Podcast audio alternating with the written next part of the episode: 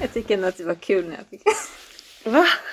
Men Rebecka berättade en rolig sak och jag kan liksom inte riktigt komma ifrån det där för jag kan Var det när du, någon satt på och pratade i telefon? Ja, nej men alltså Ja. grejen var att jag gick in på toan. Ja. Så när jag sitter där så, så hör jag plötsligt att någon är på toan bredvid och tänkte jag först att det var du. Jaha, Så ja. tänkte jag men gud jag hörde ju inte att Emma gick in. Men ja ja. Och sen så går det några sekunder och så ringer telefonen och så svarar personen bara "Eh, primärjour. Inne från toaletten. Och jag bara jaha och så hör man liksom samtidigt du vet, hur det drar i papper och han håller på där inne och bullrar och brakar. Så sitter ju verkligen och bajsar medan han Ja, Jag hörde bara att han började prata. Bara, han satt fortfarande kvar när jag gick ut. När jag gick ut Jag också. tycker att det är skönt att, att veta liksom att vi är alla likadana. Vi bajsar brunt allihopa. Även läkare. Även läkare Precis. faktiskt. Det får man komma ihåg. Vissa lägen. Mm. Det och Om man skulle tvivla. Ja, jag menar det. vi är alla lika inför toalettbesök och döden kan man säga då. Ja, Okej. det... Så är det. Nu sätter jag lugnt, så här djupt i min fåtölj. Mm. Tycker ändå att det känns... Har du tagit av dig skorna? Nej, du har skorna på dig du. Nu är du Ja. snart varm om fötterna igen och Ska du klagar. inte... Ja. Ja, men jag har lite ont i huvudet och har kalla fötter. Och då känner jag att om jag har mössa på mig och sätter på mig skorna så kommer någonting att hända i min kropp och så kommer jag må bra igen. Okej. Det blev inget kaffe. Nej, eh, nej, det var, stod ett felmeddelande på displayen som gjorde att jag inte kunde trycka på knappen bryggkaffe. Och du kände inte, jag går tio meter åt andra hållet till nästa kaffemaskin? Nej. Just det. Ja. Vi kan vänta om du Du vill, vill, göra hämta det. Ja. kaffe? Jag tänker gå och hämta lite kaffe nu. Ja, gör det.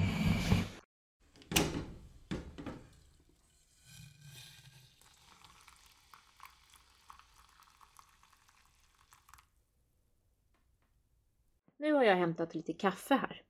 Ja.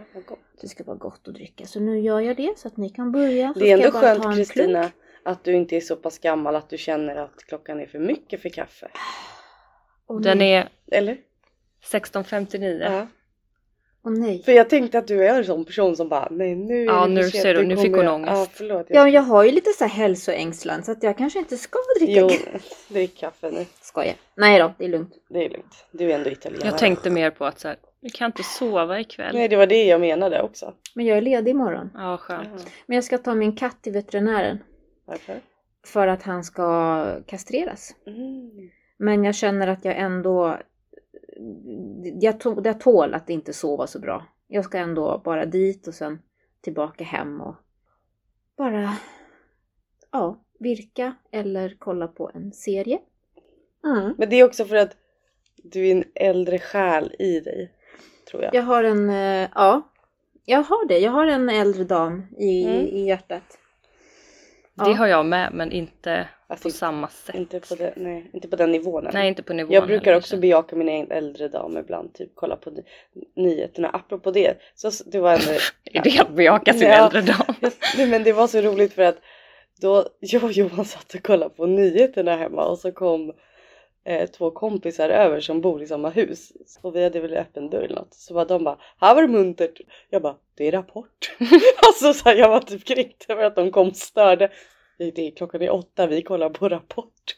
Hon bara, Ja, så varför inte ni Okej. hemma och kollar på Ja, Rapport? exakt. Och sen jag hade sagt det bara, jag låter som min mamma. Eller typ min mormor och morfar bara, nu är klockan, nej nu är det Rapport. Och då hade, jag jag hade inte sett nyheterna men de kollade ju på nyheterna varje nyhet. Så, Det finns Rapport fortfarande. Absolut på SVT. Ja. Har inte du märkt det nu när vi vårdar de äldre? Alltså inte för att yngre människor inte tittar på nyheter men de kanske har andra kanaler för att följa Ja. nyhetsflödet tänker jag än att slaviskt följa Rapport varje kväll. Ja, nu följer man ju slaviskt sin applikation på mobilen. Ja men det är det jag menar så att nu med de äldre har det ju varit väldigt Rulla ut mig till Rapport. Ja, exakt. Jag går och lägger mig efter Rapport. Just det. Ut med protesen. Rapport. Protesborstning. Smörjning med kanoderm. Jag tänkte häromdagen hur det, hur, det, hur det känns att ha liksom gommen som inte är ens egen och hur det är att, att tugga då. Jag frågade faktiskt hur, hur det känns. Och hon kunde inte riktigt svara på hur det kändes men att det ändå var okej sa hon.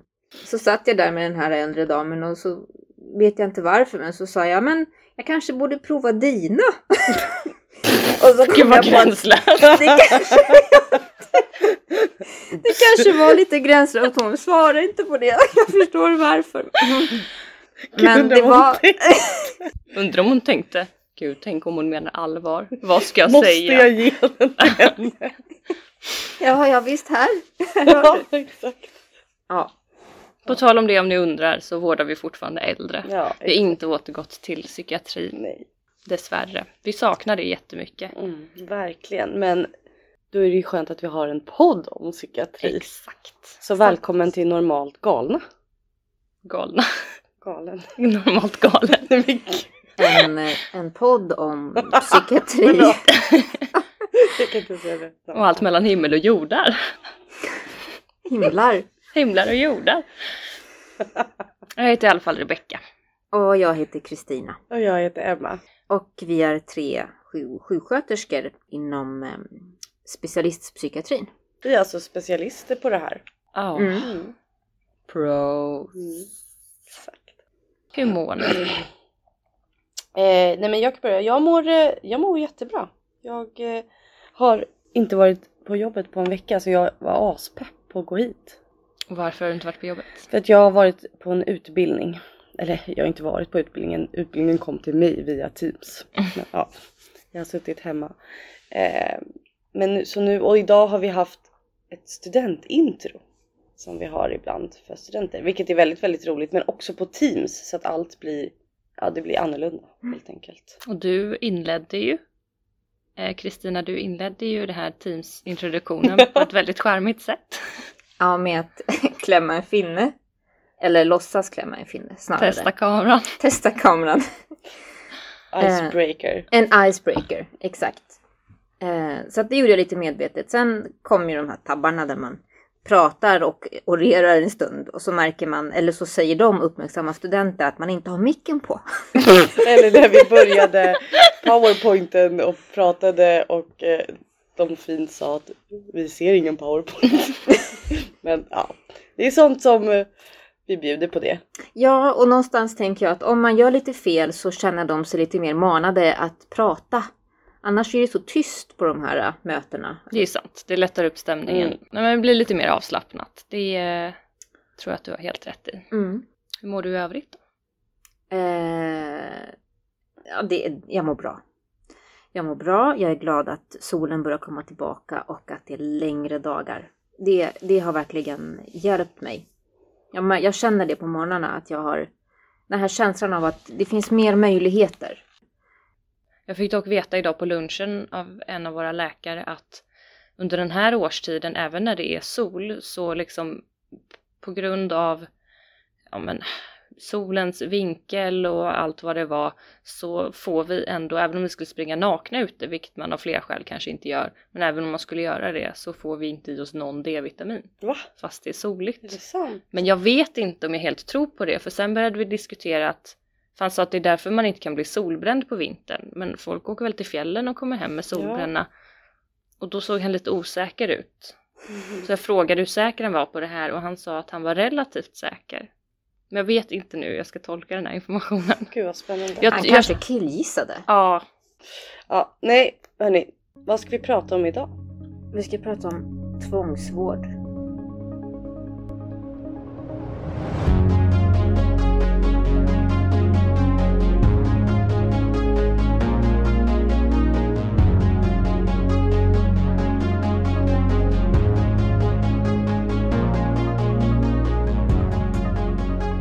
Gud vad du såg deprimerad ut. Ja men det är för att det är så tungt. Det är liksom en av de där grejerna som man ibland tvivlar på för man jobbar inom psyk.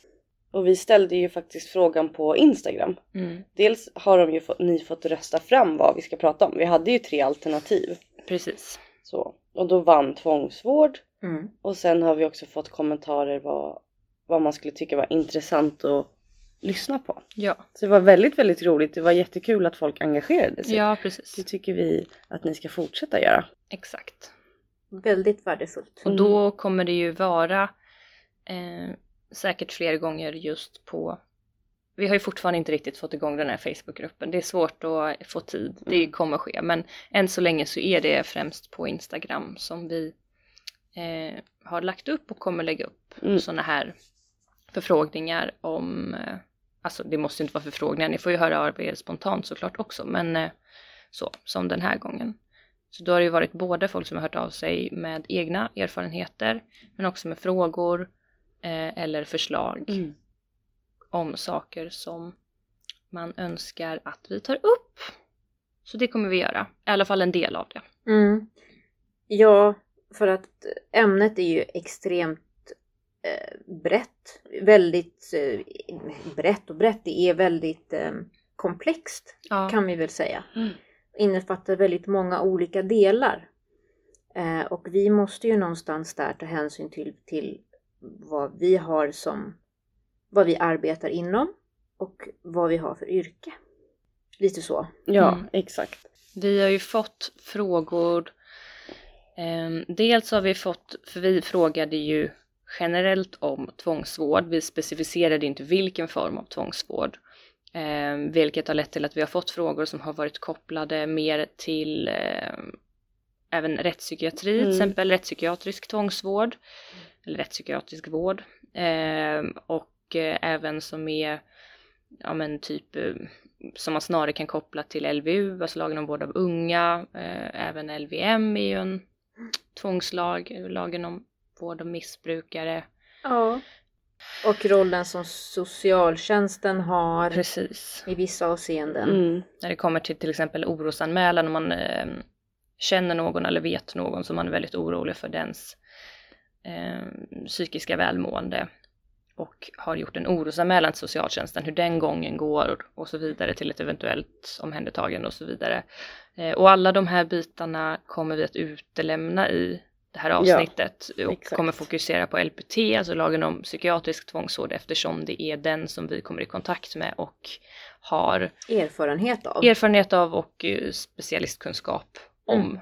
Mm. Så eh, har ni ställt frågor om annat så är det inte för att vara otrevlig som vi bortser från dem utan eh, där har ni förklaringen på varför. Ja, och att vi också kommer prata om vuxna. Ja, precis. Eftersom att det är det vi jobbar med. Ja, Vi kommer inte prata om barn och Nej. tvång. Ja. Sen kan ju det vara lite också någonting att prata om eftersom var börjar... Ja, enligt lag så börjar ju vuxen, det vet vi ju såklart, när man blir myndig men det är ju Det var lite jag tvivelaktigt tänkte. ibland. Ja. Ja. Mm. Att, Men jag tänker Ja. mer att från de patienterna som vi vårdar är från 18 år och uppåt. Mm. Så då, Mm. eh, för det ser lite annorlunda ut. ja, då kan vi ju nämna att det är faktiskt inte förrän i juli i, ja nu blir det ju förra året då, alltså 2020 som man gjorde korrigering i LPT-lagen. Nej, för... eh, faktiskt Mm. specifika paragrafer som gäller för barn under 18 innan så har även om förfarandet kanske i vissa fall har varit annorlunda då med barn så har det faktiskt eh, lagen varit precis densamma. Så det är ju skönt. Det är väldigt bra. Nu det är ju med barnkonventionen som Ja. de har eh, justerat vissa Mm. eh, eller lagt till rättare sagt saker för barn under 18. Ja men så nu har vi egentligen pratat om vad vi inte ska prata om först. Ja. Mm. Tänker jag. Så nu om vi, vi bara drar lite snabbt. Sen är det ju så att vi gillar att prata och vi kommer antagligen prata in ämnena i varandra. Men att vi tänker att det vi kommer benämna är väl vad, vad är tvångsvård? Eh, vad eller hur man bedriver tvångsvård och åtgärder som man då kan använda när man är på tvång. Ja, hur det går till att man hamnar på tvång och vad man potentiellt kan vara med om Mm. under tvångsvård. vad har man för Eller rättigheter? Ja.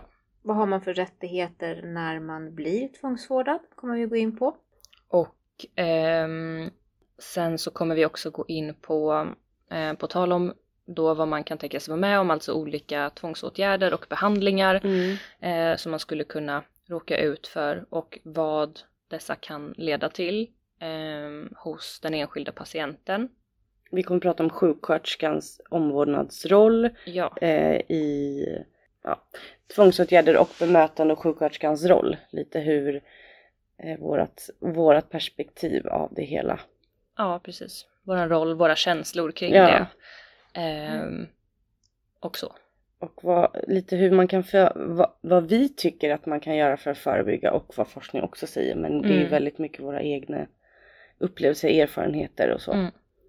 Eh, så jag tänker att i det här avsnittet det kommer absolut vara så att alla kommer inte hålla med om allt vi säger. Mm. Så är det ju alltid men just de här, det här avsnittet tror jag blir rätt tungt så och framförallt om man har eh, egen erfarenhet av att ha Mm. vårdats på tvång så kan det här avsnittet bli rätt jobbigt kanske att lyssna på. Ja, Eh. och jag tänker också att vi kanske ska bara eh, poängtera att det är ju inte våran avsikt att liksom tala istället för de som har egen erfarenhet Nej, av detta, nej. utan vi talar dels utifrån vår egen erfarenhet Ja. i våran yrkesroll eh, och också utifrån vad, ja men dels som du säger, vad man känner till genom forskning och vad man känner till genom ja, patienter. Man har ju träffat ganska många ändå Mm.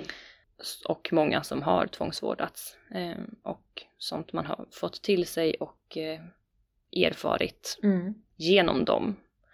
Eh, och det finns ju såklart jättemånga andra forum och Mm. poddar att ta del av. ehm, och det försöker vi inte ersätta som sagt då, Nej, vi vill inte deras något- upplevelser.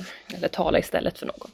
Men, jag, och jag, men jag tänker så här, när jag sitter och lyssnar, men vad är, vad är LPT? Vad står det för? Lagen om psykiatrisk tvångsvård. Och lagen säger ju att vissa kriterier behöver uppfyllas för att man ska bli vårdad mot sin vilja. Mm. För kort och gott är det ju också så, tvångsvård är ju att man blir vårdad mot sin vilja. Ja, Att man det, inte vill ha hjälp. Man vill inte ha hjälp. Man tycker inte, man ser inte att, att man lider eh, av, av problem som, som kan leda till att man skadar sig själv eller skadar andra. Ja, eller så Vill man verkligen ta livet av sig och tycker inte att någon annan ska få bestämma? eller upplever bara att man, det ändå inte finns någonting som kan Nej. hjälpa en. Precis. Och hopplöshet ja. Ja, Mm. och eh, man vill inte heller ta emot hjälp trots att man erbjuder på många olika sätt Mm. så, så säger personen nej. Och, Av något skäl. Ja, precis. Vilket skäl det nu än må vara. Ja. Men de kriterier som ändå då formellt behöver eh, vara uppfyllda för att kunna faktiskt Vårdas på tvång. vårdas på tvång och därmed frihetsberöva någon eh, i lagens namn, rent krasst. Ehm, har du dem framför dig Ja. där bara för att formulera dem eh, Ja, helt korrekt dem, så får du exakt. gärna läsa upp dem. Mm, och då står det så här. Att man ska lida av en allvarlig psykisk störning, ha ett oundgängligt behov av psykiatrisk dygnet runt vård. Eh, motsätter sig erbjuden vård alternativt att det finns grundad anledning att anta att vården inte kan ges med personens samtycke. Och det här är ju som dessvärre ganska mycket när det kommer till lagtext inte helt svartvitt. Nej, det är ju Typ vad är en allvarlig psykisk störning? Eh, det är ju för det första en, inte en psykiatrisk term. En Nej. allvarlig psykisk störning, det är en juridisk term. Ja. Därmed finns det inte beskrivet exakt vad en sådan är. Det finns absolut liksom riktlinjer och det finns, alltså, Ja, ja, men, precis. om man ska gå liksom in på juridiksnacket så. Men, men i den rena lagtexten så gör det inte det. Och sen finns det ju alltid när det kommer till sånt där olika, allt vad det heter, praxis och det ena med det andra Mm. och vad som så. Så att det är inte så att läkaren helt kan hitta på utan det finns absolut saker som är att klassa och som inte är att klassa. Men det finns inget exakt svart och vitt. Nej. Det finns ingen lista på diagnoser eller lista på liksom Beteenden. Typ, nej, det gör det Nej. inte. Nej. det finns marginaler för tolkning. Liksom. Mm. Absolut. Ehm, och hela processen inleds ju då med att ett så kallat vårdintyg skrivs, vilket kan göras av vilken legitimerad läkare som helst. Alltså det behöver inte vara någon inom psykiatrin, utan det kan vara på vårdcentralen, det kan vara på vanliga akutmottagningen eller någon annanstans där det finns en legitimerad läkare som av någon anledning har eh, känner sig orolig för Mm. den här personens Precis. psykiska välmående. Därefter, när det här vårdintyget har skrivits, det finns olika liksom, tidsramar för alla de här och kanske inte går in på detalj, Nej. men just i det här fallet så är det inom ett dygn i alla fall. Från att patienten befinner sig där man kan bedriva tvångsvård. Exakt. 24-7. Ja, Det är också Eh. sån här. ja precis. detalj. Detalj. Men ja, Mm. inom ett dygn i alla fall så ska det bedömas och då måste det bedömas eh, av en överläkare i psykiatri, alltså en psykiatriker. Eh, så där kan det inte vara vilken läkare som helst utan det måste vara en specialistläkare i psykiatri. Och det kan inte, om vi säger att det och det kan inte heller vara samma läkare som skriver vård. Det kan Nej. vara en, en, en psykiatriker som skriver ett vårdintyg. Mm, Men den psykiatrikern får då inte bedöma sitt eget vårdintyg. precis. Så det måste vara olika läkare.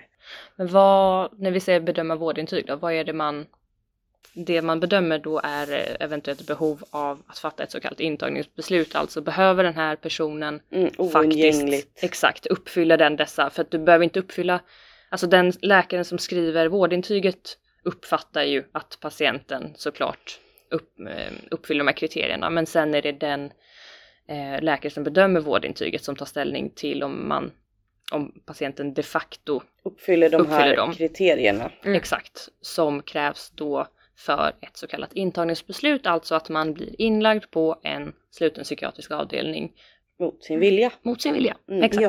Ja. ja precis, och jag tänker att det är ju kort. Sen är det ju, man kan ju sväva ut hur mycket som helst i den här Mm. processen. Och, men jag tänker att det är liksom så Övergripande. det går till. Ja. Och sen hamnar man på en avdelning. Om man har LPT som vi pratar om då måste man vara på en psykiatrisk heldygnsvårdsavdelning. Precis, för det finns ju också ÖPT som är en Exakt. öppen psykiatrisk tvångsvård. Men Precis. det är någonting helt annat, och, eller helt annat, men vi, det bortser vi ifrån nu. Nu pratar vi, Vi om, pratar om- heldygnsvården. Liksom, eller Ja. så. Där vi jobbar kan vi säga. Ja.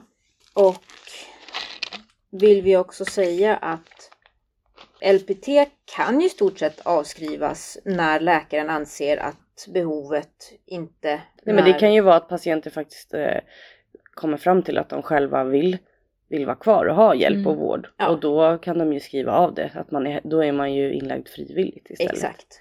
Till exempel. Om inte annat så håller det i fyra veckor. Eh, Och tills nytt ställningstagande. Mm. ja, och jag tänker att det kan ju vara viktigt att tänka på. För, för när jag tänker, om jag nu inte skulle liksom jobba med det så tänker man så här, man är inlagd mot sin egen vilja, det är tvång och det låter ju ganska grovt. Eller att så här, men, men då måste man också komma ihåg att man kan alltid överklaga det här. Det är inga paci- alltså patienter som, som blir inlagda på tvång har alltid rätt att överklaga och att de, alla patienter som är på sjukhus har ju ändå lagar som vi ska följa gentemot dem. Och de, de ska ju fortfarande bli behandlade på samma sätt som andra patienter. Det är inte så att vi låser in dem i ett rum och låter dem sitta där. Mm. Bara för att de är där mot sin vilja. Tänker jag är viktigt att säga. Sen finns det ju absolut patienter som upplever att det är så. De Ja, har blivit, ja, ja, eh, faktiskt, att det är det de har varit med om. Men det är väl Och- kanske det vi vill belysa också att då, det är ju Mm. inte rätt heller. Nej, det, har är klart. Så. Det är klart att det inte är. Mm. Ehm, men det här, jag tycker det här som du säger med överklaga.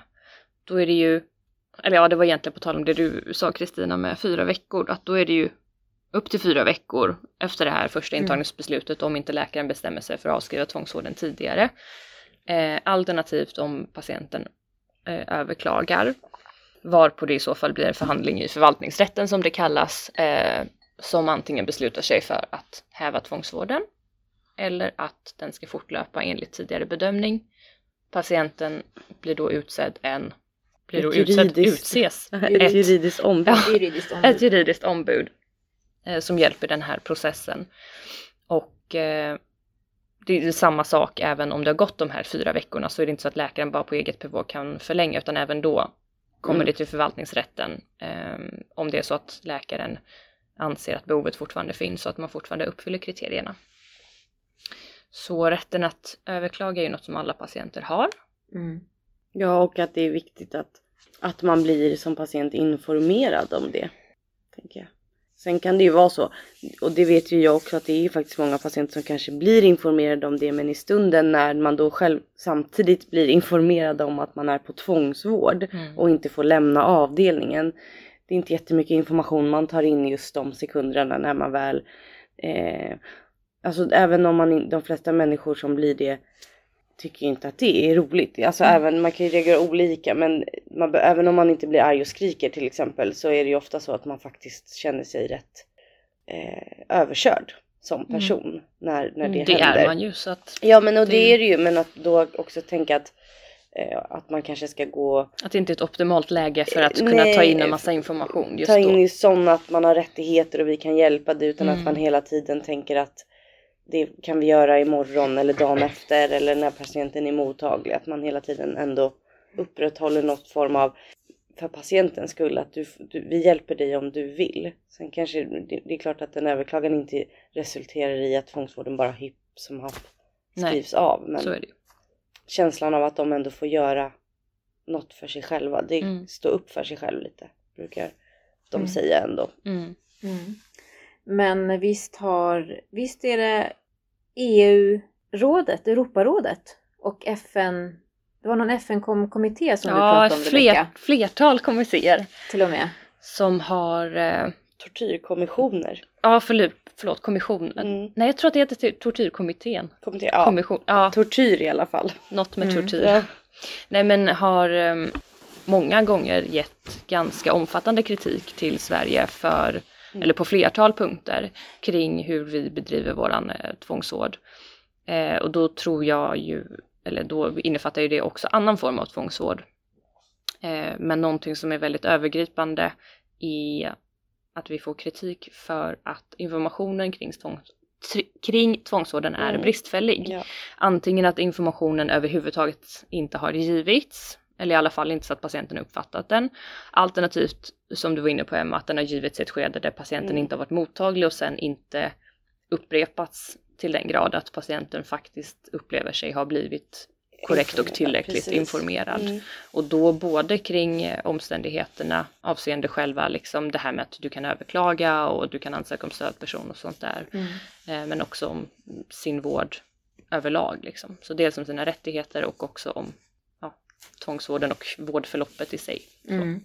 Och det innefatt, i, vår, I kompetensbeskrivningen för specialistsjuksköterskan inom psykiatrin så, eh, fram, så framgår det ju att det är viktigt att vi som sjuksköterskor ska eh, se till och möjliggöra för att personen som vårdas får eh, möjlighet att hitta rätt information och också ta till sig den informationen. Så att, eh, vi, vi försöker ju verkligen, eh, vi har ju, strävar ju alltid efter att försöka bemöta personen, patienten på ett sätt som, som gör att hen förstår på det bästa sätt som går. Liksom.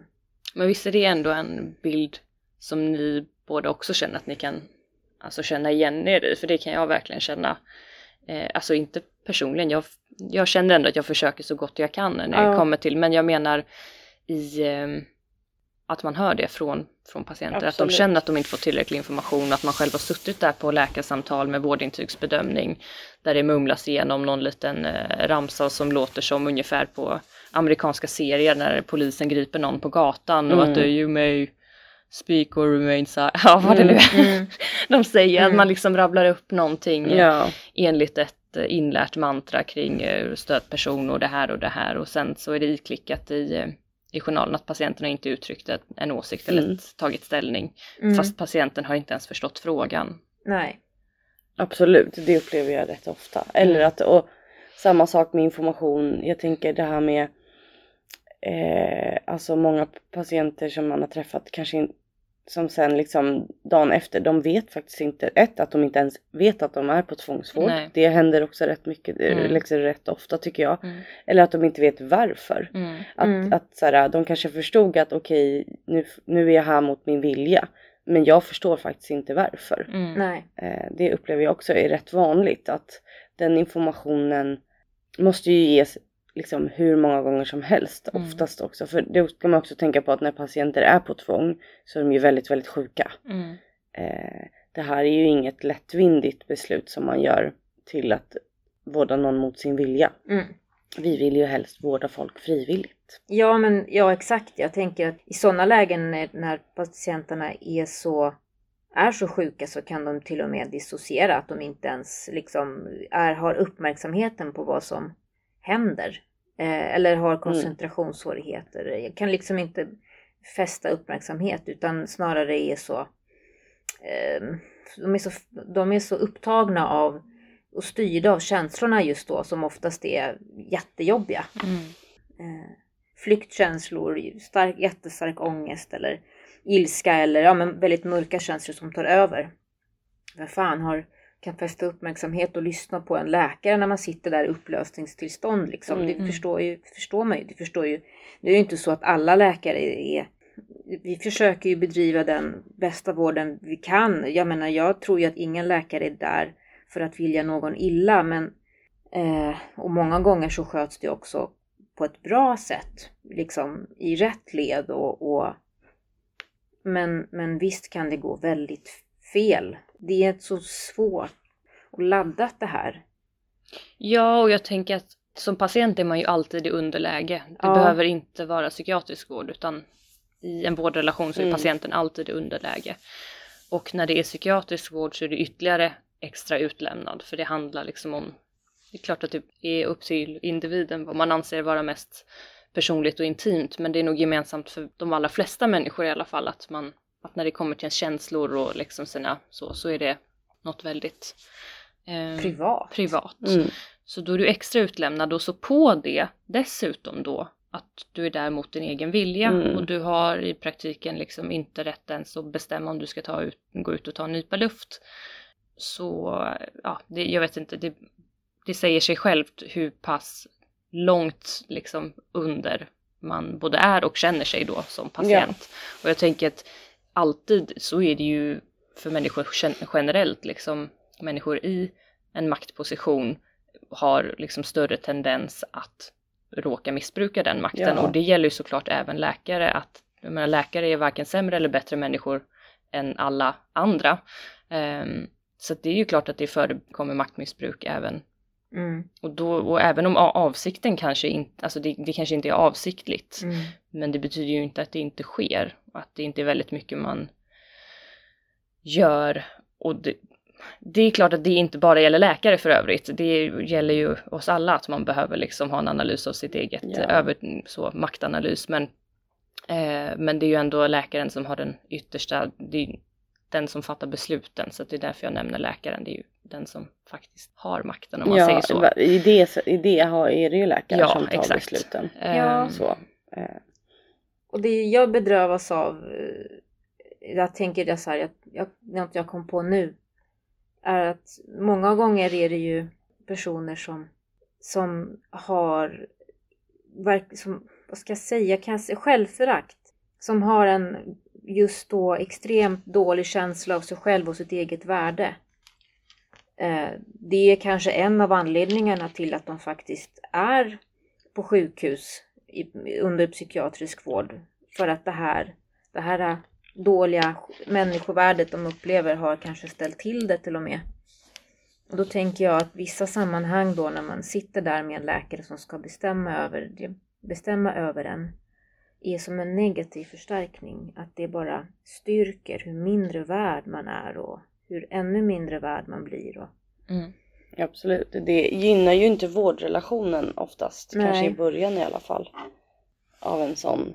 Att få, få tvångsvård eller liksom bli vårdad. Mm. på tvång.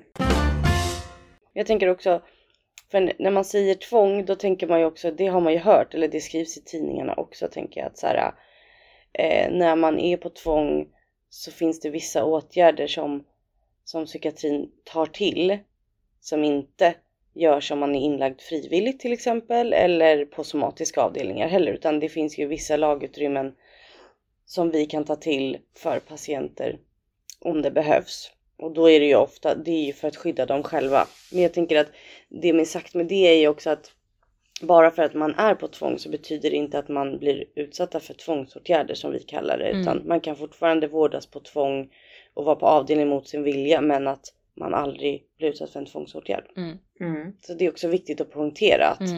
eh, även om många kanske har blivit det så är det inte Hos oss till exempel är det ju inte jättevanligt med tvång. Nej. Även om man är på tvång så är man inte, få- använder vi inte tvångsåtgärder speciellt mycket. Nej. Men vad är en tvångsåtgärd då? Kan vi komma med exempel? Men en tvångsåtgärd kan till exempel vara om man inte tar sin medicin men att man är så pass sjuk att man behöver ha medicin. Så är det ju. Eh, då kan man få något som vi säger tvångsinjektioner. Man får oftast en spruta med någon form av medicin.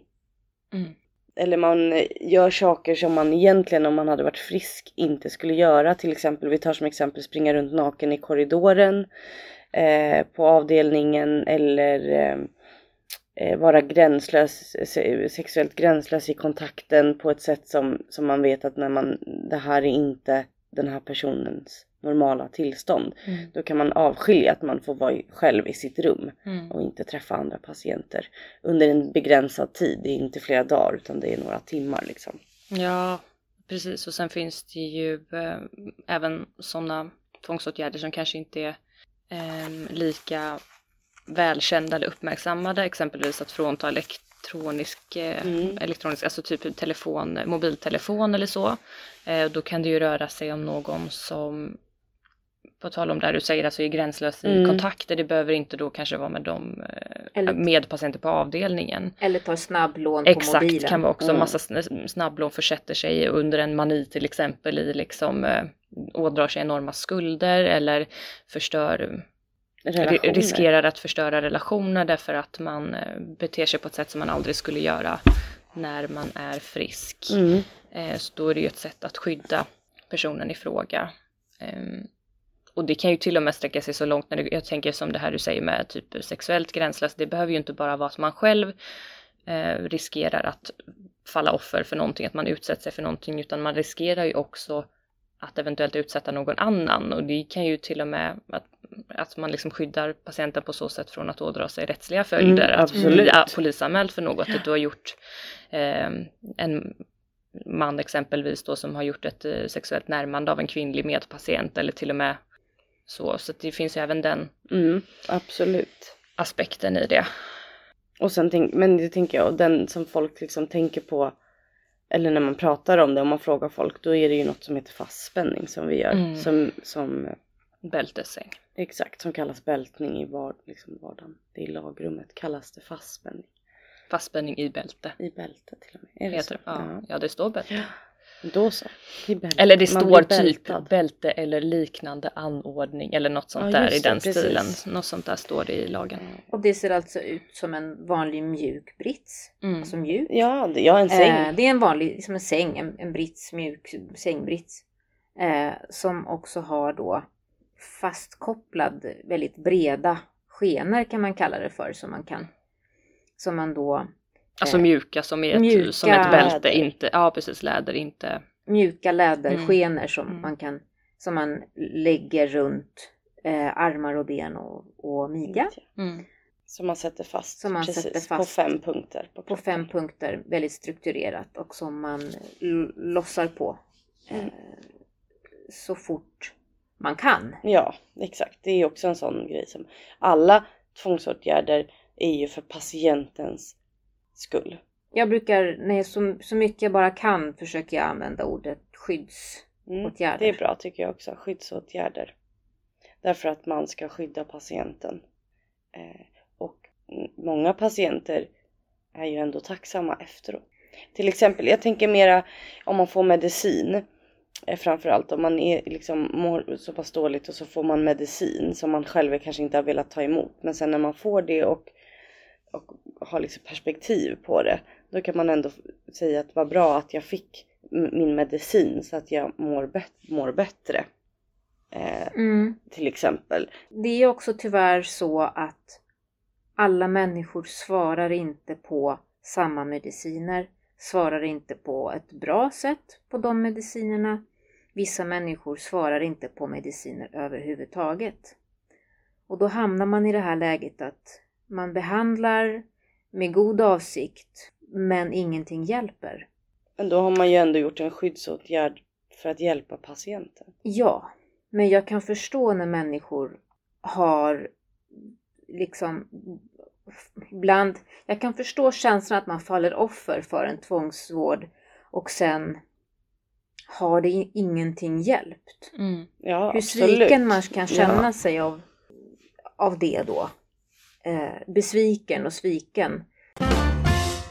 Jag kan också tycka att, att det behövs mera alltså miljö eller det här med utevistelse som vi pratar om. För det kan man ju säga när man är på tvång så får man ju inte bestämma någonting själv i, i Får man gå ut? Får man gå hem? Vad ska jag ta för medicin? Oftast är det ju väldigt, det är ju väldigt strukturerat. Sen att inte äta lunch, det kan ju jag bestämma då. och Inte äta lunch, för det kan ingen tvinga mig liksom rent ett mål eller liksom sådana grejer. Så det kan ju också bli sådana grejer som man som patient faktiskt väljer att bestämma sig för att vissa saker som kanske låter banalt liksom i öronen på någon annan men att det är faktiskt de små grejerna de faktiskt kan bestämma själv. Mm, och då, man har kontroll över. Ja och då tänker jag ibland som som sjuksköterska att så här, gör ingen grej av det, låt den personen skippa lunchen då, för det var det enda hen Mm. kunde bestämma över den dagen. Ja men okej, då, då får väl du fika sen när du blir hungrig. Alltså Mm. att inte, det är också ganska intressant att när man är på,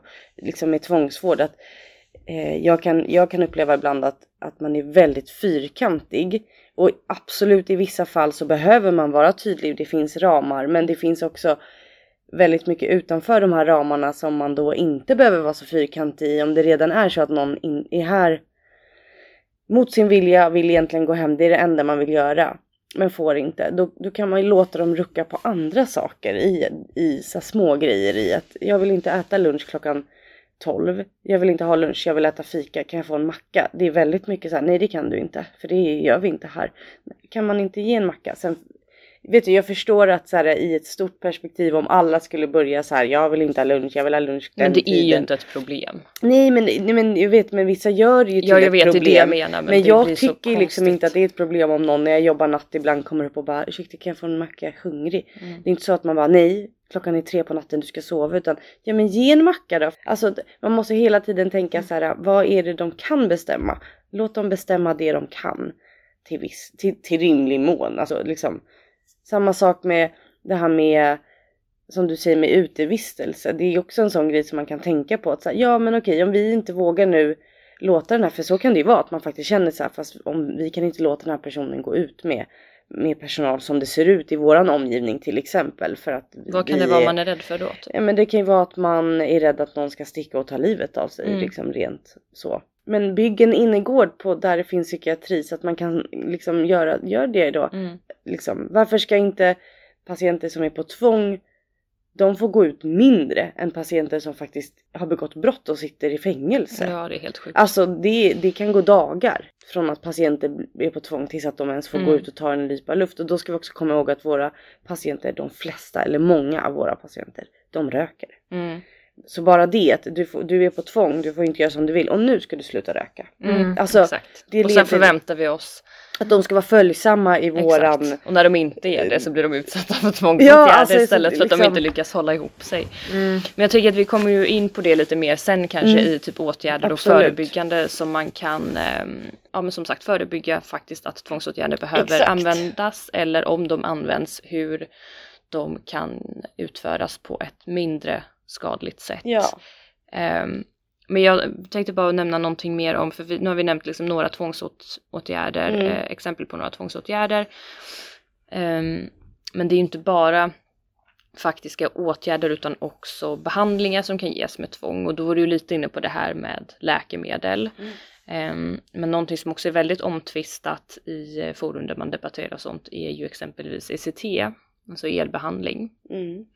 Vilket faktiskt också är någonting som kan ges på tvång. Och det vet jag att, har jag sett många gånger, eh, personer som argumenterar för att, eh, alltså nu är det väl kanske oftast personer som i grunden inte är jättepositiva till ECT.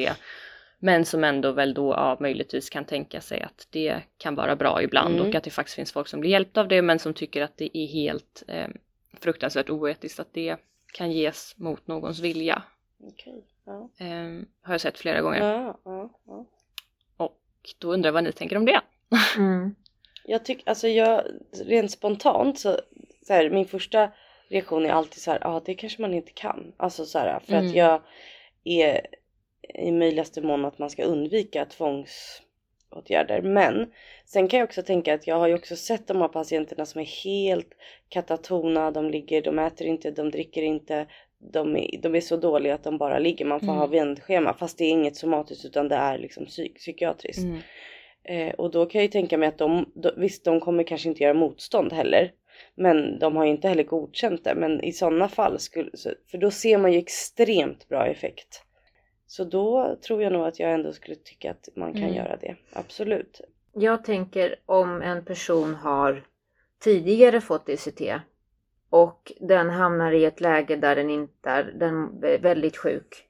Och så tänker jag att samma person har självinsikt i den mån att den, den vet, eller vi har ju vem som helst självinsikt, men den, det är ju en sak att känna igen sig själv. Typ, eh, nu, nu, nu känner jag igen mig själv, det här är jag. Det är så här jag brukar resonera, det här jag brukar, det är det här, det är så här det brukar kännas när jag är jag. Annan sak och sjukdomsinsikt. Och en, exakt, och då tänker jag någonstans att om vi känner den personen och den personen också sedan tidigare har en krisplan där den säger att jag vill få ECT för att jag vill återgå till den jag är när jag är som jag, som jag är när jag är jag. Mm. Förstår ni vad jag menar? Mm. Eh, då är det ju, känner jag att det är mer etiskt korrekt även om patienten då är under tvång. Mm. Eh, sen kan det ju hända att en person kommer in och inte vill eh, få ECT men är jättesjuk och är, eh, gör allt för att vilja till exempel ta sitt liv och är inte verklighetsförankrad.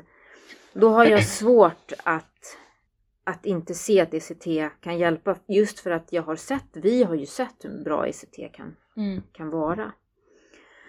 Eh, och då känner jag att det är etiskt mer hållbart att man går emot patientens inte vilja att göra ECT Mm. och faktiskt göra det. Mm, exakt.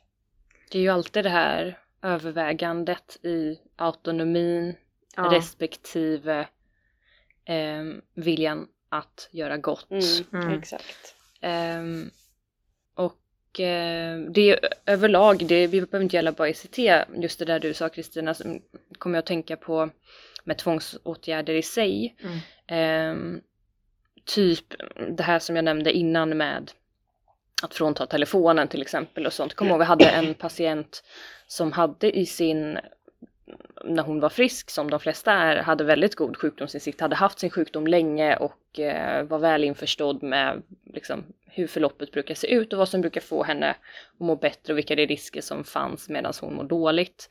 Eh, och hade då tillsammans med hennes eh, kontakt i öppenvården och hennes make så hade de en väldigt utarbetad liksom, plan på så här, jag vill att ni tar mitt pass, jag vill att ni tar det här och det här ifrån mig och jag vill, ja, behöver inte liksom Mm. rada upp allt med risk för, ja så, men för att hon av olika skäl ja, men fick för sig att hon skulle resa dit, hon skulle göra si och hon skulle Mm, göra så, hon mm. skulle, och det var liksom alltid samma förfarande. Så att i det här fallet så handlade det inte om eh, risken att hon skulle ta livet av sig utan snarare att hon skulle utföra olika handlingar som kunde få eh, väldigt allvarliga konsekvenser för hennes liv. Mm. Mm. Ehm, Ekonomi och relationer. Ekonomi, och relationer, precis, Mm. rubbet. Så det tänker jag är ju någonting generellt, inte bara när det gäller ECT eller annan form av behandling utan överlag. Liksom Mm, sånt som man har mm. insikt i när man är frisk. Mm. Då är det ju såklart mycket lättare och ett mindre liksom, etiskt övertramp eh, att motgå eller gå emot patientens vilja sen när den väl är sjuk. Ja, för då vet man ju att det är, den personen vill ju det här när den personen är Sig själv. sig själv. Mm. Ja. När jag är jag som du sa. Mm. Mm. Så. Mm. Absolut. Men en annan grej som jag funderar på med behandling Mm. inte specifikt ICT-behandling eh, utan överlag är ju också, mm, på tal om det här du nämnde i tidigare, men med att inte alla patienter som tvångsvårdas är med om tvångsåtgärder. Eh, För det är ju sant Mm. och det är något som är väldigt viktigt att påpeka, men jag tycker också det är väldigt viktigt att påpeka det informella tvånget. Därför att många gånger att tvångsåtgärder Ja. undviks är ju för att det finns ett hot om potentiellt eh, tvång. Det vill säga Mm, att du är på ja. tvångsvård och det är förvisso ingen som sticker en spruta i rumpan på dig. Men du vet också att tar jag inte de här tabletterna Så är alternativet inte helt osannolikt att jag till slut kommer få en eh, spruta i rumpan. Och ursäkta mitt språk men Ja. det är ju rent, eh, det är ju faktiskt så de Så brukar ges i de flesta fall. Ja. Eh, och det är ju också någonting som är som man kan diskutera mycket för att å ena sidan så är ju även det är ju med eh, alltså en vilja att, att, man, att man vill gott Mm, och att man mm. vill jobba efter, alltså ut efter minsta möjliga tvång och det tror jag är Mm. någonting som kan vara väldigt svårt att se när man är den som ut, utsätts för det som Mm, patient. Mm. Eh, och det är absolut ingenting som ska liksom användas, man ska inte hålla på och hota och missbruka men samtidigt så finns det också en aspekt av det som ändå är att okej, okay, du vill gå ut och röka exempelvis och jag vill att du ska ta den här medicinen av olika skäl mm. då. Um, och att det ändå är att man hittar den där balansen mellan att hota som aldrig är rätt såklart. Men samtidigt att informera att läkaren är det ju faktiskt som ska göra det själv, att den bedömer mm. att av de här, de här, de här anledningarna så är det så att du behöver få i dig den här medicinen på ett eller annat sätt. Vad kan vi, på tal om det du nämnde mm, också mm. med det man själv kan styra över, vad kan vi komma överens om som gör att du ändå kan tänka dig att ta emot den här medicinen? Hur kan vi liksom, även om det aldrig är en jämlik överenskommelse, men ni kanske är med på vad jag menar. Men det är ändå, man ska ändå inte liksom glömma bort såklart att det ändå är ju det där informella tvånget i det samtidigt då att även om det kanske är bättre då att man undviker den här tvångsinjektionen. Att man dealar och vilar. Att man dealar och man... wilar. Men mm, min poäng är bara att man får aldrig glömma Nej. bort det. Att bara för att Nej, vi undvek en liksom injektion eller fasthållning i det här mm. fallet så är det fortfarande så att vi var tvungna att trampa på patientens ja. självbestämmande för att kunna göra gott. för att kunna göra gott eh, och för att undvika en åtgärd. Mm. Precis. Och jag tänker när vi har pratat om, om tvångsåtgärder så har vi ändå fått eh, vi, har ändå fått en vi har ändå fått frågor om hur det känns som vårdpersonal. Vi var ju inne på det lite vad vi själva tycker mm. om till exempel ECT och så. Men vad, hur vi själva upplever att jobba när vi då utför tvångsåtgärder. För mm. det, gör, det har vi ju gjort. Det är ju ändå Eh, så är det ju när man är sjuksköterska på en psykiatrisk avdelning så är det ju en del av arbetet. En del av arbetet och det även, det, även om man eh, som, som jag kan tycka att kommer aldrig tycka att det känns helt okej. Okay. Eller liksom jag kan förstå och jag ser att patienter behöver eh, och jag kan så här, vissa, vissa patienter eller ser man det mer och vissa mindre liksom så att jag, jag eh, kan köpa att det behövs men jag kommer aldrig tycka att det känns helt okej okay inom mig. Eller eh, liksom, det är svårt att förklara kanske men mm, ja. Mm. Förstår ni vad jag menar? Att jag mm. tänker att å ena sidan förstår jag, liksom, huvudet rationellt förstår att det här behöver göras och det är gott. Men någonstans i liksom, hjärtat så känns det ändå jobbigt. Trots att det är ett nödvändigt, ont. Ett nödvändigt ont. Eh, men ja, bara att jag hör att en person säger att han, han hon inte vill gör mig illa berörd att man ska gå emot det. Mm. Um, och det tänker jag, rent när man funderar på det så tänker jag att det hoppas jag alltid kommer, om liksom när jag jobbar i psykiatrin, att den, den delen kommer, att det alltid kommer finnas kvar i mig. Ja annars får man ju fan säga upp sig. Mm. Så jag hopp, ja men tyvärr så tror jag inte heller att det är så. Jag tänker de ödena man har hört om liksom, hur det har gått till eller patienters liksom, upplevelser och så. Att jag, tro, jag tror inte att det, att jag tror att man blir så luttrad att man liksom bara blir helt avstängd. Och det är väl det som är, är farligt i psykiatrin överhuvudtaget för att det är ett mm. tufft klimat att jobba i. Mm. Eh, för att som vi har sagt tidigare, man, man ger ju en ganska stor del av sig själv i jobbet. Men om man då och om man då blir så luttrad att man till slut inte bryr sig hur många tvångsåtgärder man än är med i, att man liksom det blir en vardag som man inte ens reflekterar över. Mm. Jag diskuterade det här med en äldre sjuksköterska för länge sedan. Eh, och den här sjuksköterskan hon har eh, hon, hon kom in på att eh, men det är ungefär som lite barnuppfostran. Man behöver vara lite sträng ibland. Eh, men man gör det ju, ja. men man gör det ju för eh, så är det ju. Man, vi, jag, jag, hon, hade, hon, hon hade många barn den här sjuksköterskan. Hon menade på att hon la upp det på ett sätt som ändå jag kände jag köpte det. För hon var väldigt älskvärd när hon sa det och, och hon, hon, hon, sa att även om mammor gör någonting just då, är väldigt stränga och säger ifrån och sätter eh, för att sätta gränser är ju en sak och göra en, ge en tvångsåtgärd är ju en annan. Men vi förstår ju någonstans där att det finns också gråzoner, mm. så, eller hur? Mm. Visst. Och att hon då sa att många gånger så om man, har, man har en lite starkare gränssättning men att det ändå gynnar barnet och att det ska liksom hjälpa. Det var så hon la upp det. Jag förstår, tror jag, vad du menar att hon menar. Det bara lät ja. så. Ja, ja men jag, jag, förstår också. Jag bara Jag gillade inte metaforen men jag förstår eh, symboliken bakom det. Jag Ja. förstår symboliken men jag gillar inte uppfostringsexemplet. Nej precis. För det är det jag har svårt för. Att man ska uppfostra patienter och därför ska man ge, göra, utföra tvångsåtgärd. Ja, jag, det, För att man jag, behöver konsekvens. Exakt, Konsek- man måste lära sig konsekvenser av ett beteende. Mm. Typ så. Det är det värsta kommentaren jag vet. Ja. I, när det gäller liksom psykiatrisk tvångsvård. Att så här, man ska, det är ju ett, att liksom slå någon på fingrarna för att någon skadar sig själv säger vi. Mm. Ja men och sen Liksom. går man in lite på det här med Pavlovs hundar nästan. Att människor är, går och anpassar, man kan anpassa människors Mm. beteende genom stimuli. Så ofta kommer man detta. Men vi är ju inga robotar för fan. Nej. Nej. Men, och så, så Mm. upp, så kontenta, eller tillbaka till den, i min fråga egentligen hur det känns att jag svarade men jag tänker att någon annan också vill. Okej, om, om jag ska, om jag ska, jag får ordination säger vi på, på att jag ska ge en intramuskulär spruta då. Oftast är det ju två. Oftast. Ibland tre. Ibland till och med tre. Ja, just nu känner jag ändå att jag kan hantera det på ett lugnare sätt. Eh, jag känner ju ändå att vi är ett team och vi, vi, vi, det här är skyddsåtgärder vi jobbar med. Och vi gör det för att vi har tillsammans kommit fram till det. Eh, och jag vet att jag kommer dra upp det här, jag vet att jag kommer gå in i ett rum och jag kommer att ge det här utan att säga väldigt mycket eftersom jag vet att det finns redan någon där som pratar åt mig. Och nu darrar inte händerna lika mycket, men i början när jag skulle ge injektioner så darrade jag så mycket att jag knappt visste liksom hur jag skulle hålla kvar sprutan. Mm. Men eh, det, det är ju inte heller bra. Man måste ju ge sprutan och det ska gå snabbt. Så så att Ja, man vill inte dra ut på lidandet. Liksom. nej, man vill inte dra ut på det. Och, och, och jag har lärt mig, nu går det snabbare.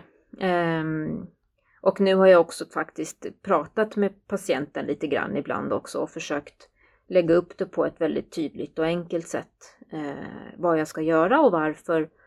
Eh, och sen så tar jag bort sprutan, lägger ett litet plåster och så går jag iväg. Men ehm, det är ju inte liksom en vanlig känsla som man går iväg med. Nej och det är inte, Man, jag. jag tänker att det inte är en rolig känsla. Nej. Och det det känns enligt mig kanske, vad tycker ni, när man är klar med en skyddsåtgärd då, att stämningen är ju ändå lite, man är inte jättebekväm efteråt. Man, man vill gärna sitta ner en stund och gå igenom lite grann. Kanske inte jättestrukturerat alla gånger, men att man ändå vill sitta ner en stund och dela med sig om hur det kändes och eh, vad som funkade bra i samarbetet för det är ju ändå ja. A och O för att det ska bli en så lite smärtsam upplevelse som möjligt för patienten i möjligaste mån. Eh, och vad som kunde ha gått bättre. Mm. ja. Ja, för jag tänker det kan man ju tänka det, det, när man har varit med om gånger till exempel där man där det inte har gått så bra. Mm. Och då menar jag inte att patienten, åtgärden har liksom, det har blivit en åtgärd. Det som skulle göras har gjorts. Ja exakt, men jag menar mer utförandet eller hur, hur, hur informationen gick till eller hur, eh, ja liksom så och att man då kanske, är- om man säger att man är den som då har gett, eh, gett sprutorna, man har liksom egentligen inte varit den som har varit så inblandad i något annat men man känner ju och vet att så här, det här gick inte bra till eller Mm. då känner man sig ju, eller jag gör det i alla fall, jag känner, du vet nästan lite smutsig. Mm. Alltså förstår ni vad jag menar? Mm. Att så här, för att och, och jag kan nästan känna så ibland absolut när jag vet att allt, när allt har gått i den mån man vill också. Att så här, Mm. det, vi gjorde det bästa vi kunde Mm. utifrån det vi skulle göra. ja. Eh, men som du säger att stämningen blir, stämningen är lite sådär. Och, och det, ibland kan jag känna så att man känner sig nästan lite smutsig för att någonstans är det ju, eller det är ju ett övergrepp på en Mm. person man ändå utför. Även Mm. om, som vi har varit inne på det här etiska att sådär, vi behöver göra det här för att skydda personen. Mm. Det är inget jag gör för att jag tycker det är roligt eller liksom uppmuntrar. Men att man kan känna sig lite lite smutsig. Att det kanske är därför man Mm. behöver sitta och prata om det också. Och vi har ju väldigt strukturerat i att vi också pr- eh, pratar med patienterna Efteråt. eh, efteråt, ja, liksom dagen efter eller så. Vad Jag vill bara har... påpeka, det är Ja. också en sån där sak på tal om det jag sa Ja. i början med bristen på information. Det är också något vi får mycket kritik för i Sverige. Att Ja. ehm, vi inte följer upp på det sättet som man ska.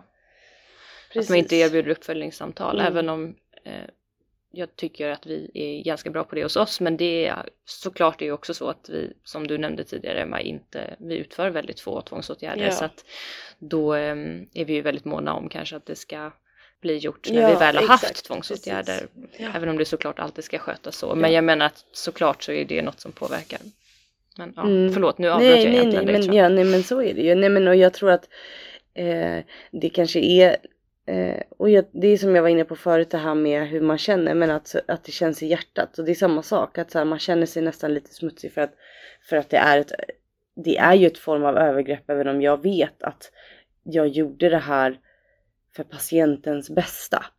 Eh, och, och det hoppas jag också aldrig försvinner. Mm. Mm. Alltså för det kan jag härbärgera för jag kan prata med mina kollegor, jag kan ha handledning och liksom så länge jag känner att jag kan hantera det så kommer jag fortsätta jobba inom psykiatrin. Men så fort den känslan börjar avta då tror jag att jag kommer vilja backa i att så här, varför gör det det? Mm. För det tror jag är farligt när Mm. det blir för enkelt. Jag vet inte om vi har nämnt det eller om vi har sagt det innan. Alltså så här, det här med vårdkultur och hur, Mm.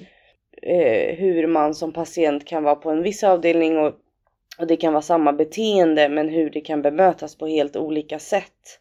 Ja för det resulterar i en viss åtgärd på en avdelning men Men aldrig på den andra. Exakt, att, Ja. att liksom, och det tror jag handlar väldigt mycket om det här med vårdkultur, att det sitter i väggarna Mm. och att eh, eller att man, den, man blir luttrad på ett sätt där man inte känner längre. Mm. Ja, och samtidigt kan ju också vissa mekanismer kanske hos patienten triggas i vissa miljöer. Att Mm, det liksom blir en Absolut. negativ Precis, ja. förväntan som leder till negativ förstärkningar, definitivt. som leder till ja, ja absolut. att det blir sämre på en, en avdelning Ja. eh, än på en annan. För det, och det jag tänker då också nu, då är det ju för att vi har ändå fått några DMs och meddelande just om att eh, man har varit på tvång och varit med om tvångs, tvångsåtgärder där man då ändå verkligen, verkligen, verkligen upplever att det inte, det var inte bra. Man blir, blev absolut inte lyssnad på. Man, man, Eller det var ingen som sa vad vi skulle göra. Eller det var Ja, ingen... rent av att man Ja. har blivit traumatiserad Ja. faktiskt. Antingen har eh, trauma i någon form sedan tidigare som triggas på grund av åtgärden och har man det, det kanske inte helt går att eh, undvika. Alltså har du varit med om ett övergrepp sedan tidigare till exempel där du Nej. exempelvis har blivit fasthållen så är det såklart att det finns inget sätt att hålla fast personen utan att trigga det här övergreppet. Nej, så är det ju. Däremot så kanske det finns annat som man kan göra för att undvika hamna i den situationen, vilket vi kan komma in på sen. Men, men rent av att man Mm. faktiskt blir traumatiserad eller får PTSD till och med av. Nu försöker Smäller vi... en fluga Förlåt, här? jag, tyckte bara, jag, jag lyckades ta den tror jag. Nej, jag tyckte jag såg den där, om det inte är två. Ja. Ja. Nej, men av själva tvångsvården Mm. och eh, det som händer under den tiden. Men då, i och för sig kanske det är ett bra tillfälle att komma in nu på, för det gäller ju inte alla, även om det aldrig känns bra i stunden att bli utsatt, varken att vårdas mot sin vilja eller att bli utsatt för eventuella tvångsåtgärder. Mm, nej. Ehm, Du nämnde lite kort tidigare om att det ändå finns, jag tror det var nästan precis i början, eh, så nämnde du att det finns patienter som i efterhand till och med är tacksamma för den vården de har Ja. fått, även under tvång med Mm. allt vad det innebär. Vi kanske kan gå tillbaka lite Ja och, och då tänker det- jag att det handlar förklara varför, på vilket sätt. Ja men för om man drar den, det du säger det här med att man faktiskt kan bli traumatiserad av tvångsåtgärder så kan man ju också som sagt när man får perspektiv på det vara tacksam. Men jag, jag tror att den stora skillnaden i dem, liksom om man känner sig tacksam eller om man känner sig, blir traumatiserad, handlar rätt mycket om hur man, eh, vad man, hur man bemöter patienterna i de situationerna faktiskt. I att man kan eh, Ja men också att många känner sig överkörda när de inte får information. Mm. Och det är ju vi väldigt, liksom vi går ju utbildningar i det här eh, förfarandet hur man ska göra och vad man ska tänka på och så att man hela tiden jobbar med att man ska berätta för patienten vad som kommer att hända. Mm. Eh, och det finns ju små, det sa vi förut också det här med mackan på natten eller liksom att man, det finns ju små, små justeringar som en patient faktiskt kan välja själv. Om man säger att någon ska få en tvångsinjektion, det handlar ju ofta om en liksom, spruta i rumpan. Mm. Eh, men det, det går ju också då att, att patienter kanske ska få välja. Vill de sitta, eller sitta går inte, men vill de stå eller vill de ligga ner? Vilken skinka vill de ha den i? Eh, är det någon speciell person som absolut inte får vara med eller tvärtom? Eh, om det liksom finns den ruckbarheten så tycker jag att man ska verkligen se till att att eh, jag är inte av den sorten att eh, patienter absolut inte ska få vara med och bestämma sånt utan jag Mm. tycker att det är viktigt att patienter får, får vara med och bestämma det lilla de kan. Får Samma. utrymme för att känna frihet inom ramen för Ja. situationen.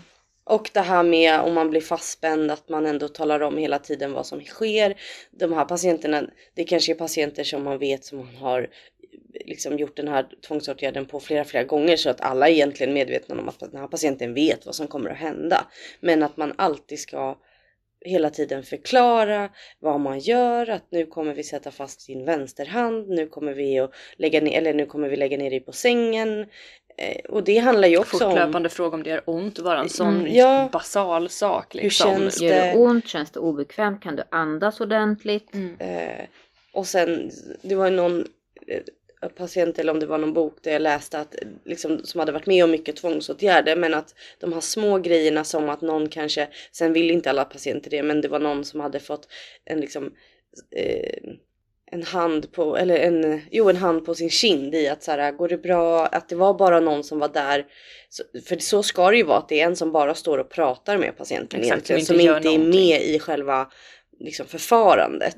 Mm. Eh, men att, och att den personen liksom faktiskt hela tiden talade om, eh, kanske rörde på ett sätt som inte var nu ska vi ta och spänna fast din vänsterhand utan Mm. mera en smekning på kinden i hur går det, hur känns det? Sen, och så får man ju känna efter vilk, vad det är för patient för alla patienter vill inte det heller men att man liksom de här små nyanserna som, som, man kanske, som man kanske blir lite luttrad i om man gör det mycket glömmer bort. Som är de viktigaste tror jag Mm. i hur folk upplever det efteråt. Sen kan det bero lite på också vad det är för slags eh, eh, psykisk ohälsa eller psykisk sjukdom som man faktiskt lider av.